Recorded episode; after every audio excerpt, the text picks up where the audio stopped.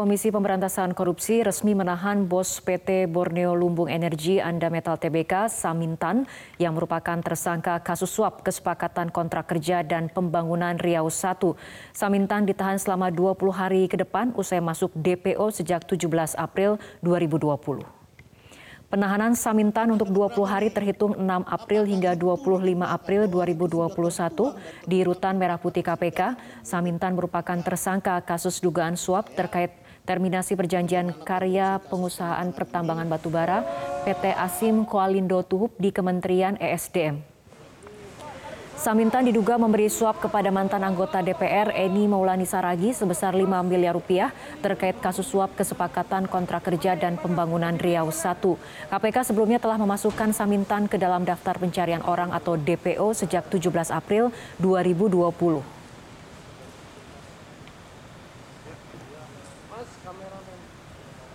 Apakah ada pihak-pihak yang dulu misalnya ada bau-baunya, kita akan perjelas dengan mencari Eh, mengumpulkan alat-alat bukti yang lain baik saksi, petunjuk, dokumen dan lain-lain yang kira-kira terkait.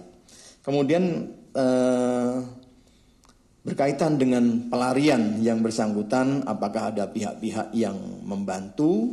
Berarti dia menghalang-halangi penyidikan. Tentunya nanti akan kita eh, kembangkan. Gunung Merapi yang berada di perbatasan Yogyakarta dan Jawa Tengah erupsi Selasa siang. Tercatat erupsi efusif terjadi dua kali dengan luncuran awan panas ke arah barat daya. Erupsi Gunung Merapi terekam dalam kamera pengamatan Tunggul Arum milik BPPTKG Yogyakarta pada pukul 14.52 waktu Indonesia Barat. Erupsi berlangsung selama 105 detik, teramati jarak luncur awan panas mencapai 1,2 km dari puncak Merapi. Erupsi kedua terjadi pada pukul 5, 5 waktu waktu Indonesia Barat. Meski demikian visual tidak nampak karena gunung tertutup kabut. Hingga kini BPPTKG Yogyakarta masih menetapkan status Gunung Merapi pada level siaga dengan ancaman bahaya saat ini berupa luncuran awan panas dan lava sejauh maksimal 5 km di sisi barat daya hingga selatan Gunung Merapi.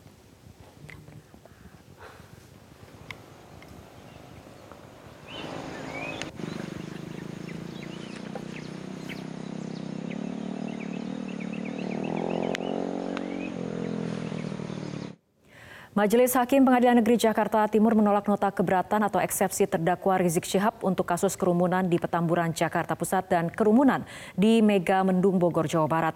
Dengan dikeluarkannya keputusan tersebut, maka persidangan atas dua kasus kerumunan tersebut dilanjutkan. Sidang perkara pelanggaran Undang-Undang Kekarantinaan Kesehatan dengan kasus kerumunan di Petamburan dan Mega Mendung digelar di Pengadilan Negeri Jakarta Timur Selasa siang. Terdakwa Rizik Syihab kembali dihadirkan di persidangan.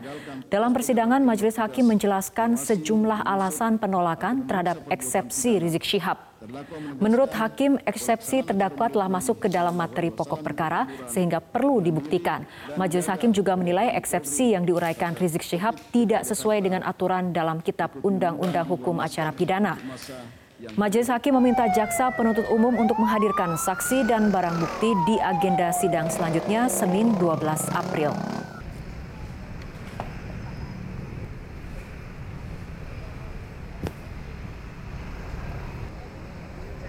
Keberatan yang diuraikan terdakwa tersebut mengenai dakwaan ke-1, dakwaan kedua, dakwaan ketiga, dakwaan keempat bukan materi keberatan sebagaimana dimaksud pasal 143 ayat 2 dan pasal 156 ayat 1 KUHP.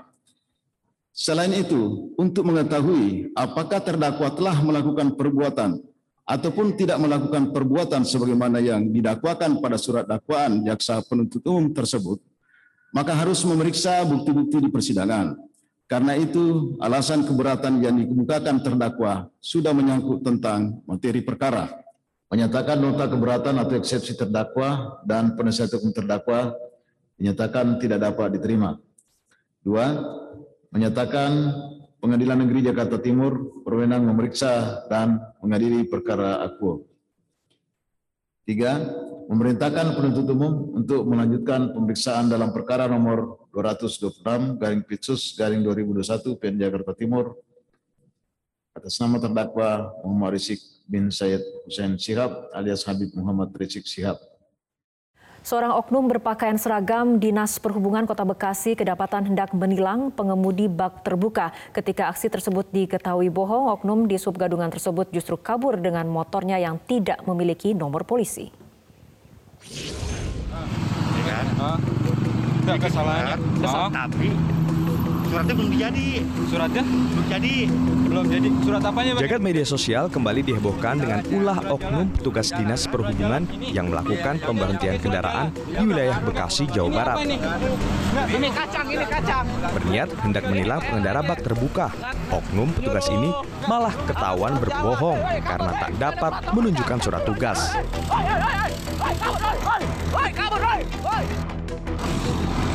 Menanggapi tindakan yang tak terpuji ini, pihak Dishub Kota Bekasi menyangkal bahwa oknum tersebut adalah anggotanya.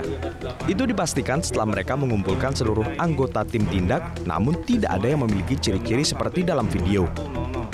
Setelah itu kita cek, kita cek, eh, kita kumpulkan, dan ternyata eh, apa yang viral di Instagram, butir tersebut eh, tidak ada, tidak ada di tim tindak eh, di subkota Bekasi. Artinya dari segi pakaian, dari segi pakaian pun beda, karena kita udah ada standar. Dari mulai kita eh, memakai seragam yang beratribut, tag, eh, baik itu logo maupun eh, nama kota Bekasi juga tercantum di situ. Itu untuk standar yang yang resmi. Terkait insiden viral ini, pihak Dinas Perhubungan Kota Bekasi tengah melakukan upaya penyelidikan secara mendalam. Jika memang oknum tersebut bukan anggota Dishub, rencananya akan ditindaklanjuti ke pihak kepolisian. Surat jalan ini. Ini harus pakai surat jalan. Ini udah nggak ada, Bang. Udah nggak ada. Ini apa ini? Dari Bekasi, Jawa Barat, Ahmad Nur Hidayat, Metro TV. Nyuruh. Ada surat jalan. Hei, hei, kabur, hei. Nggak ada plat nomornya. Ntar dulu, ntar. Hei, hei, hei, hei. Hei, kabur, hei, hei. Hei, kabur, hei. Hei. Direktorat Tindak Pidana Tertentu di Tipiter Baris Krim Polri membongkar tindak pidana penyuntikan tabung gas dari tabung gas subsidi 3 kg ke tabung gas non subsidi 12 kg di Jakarta Barat. Negara di Tenggarai mengalami kerugian hingga 7 miliar rupiah dari kejahatan ini. Di gudang yang berada di Jalan Tomang 3, Perumahan Kafling DKI Meruya Utara Kembangan, Jakarta Barat, menjadi lokasi aktivitas penyuntikan tabung gas subsidi ke tabung gas non-subsidi yang dilakukan oleh para pelaku. Aktivitas ilegal ini sudah berlangsung selama lima tahun akibat dari tindak pidana penyuntikan tabung gas subsidi ke tabung gas non-subsidi ini, negara mengalami kerugian hingga 7 miliar rupiah. Dari lokasi ini petugas berhasil mengamankan 17 orang terduga pelaku, dua orang diketahui sebagai pemilik tempat dan 15 orang pekerja. Para pelaku akan dijerat pasal 8 ayat 1 huruf A Undang-Undang Nomor 8 Tahun 99 dan Undang-Undang Nomor 22 Tahun 2021 tentang minyak dan gas bumi dengan ancaman hukuman 5 tahun penjara. Jadi ada tiga TKP yang kita amankan lokasi penyuntikan ini. Jadi dari tabung 3 kilo disuntik ke 12 kilo.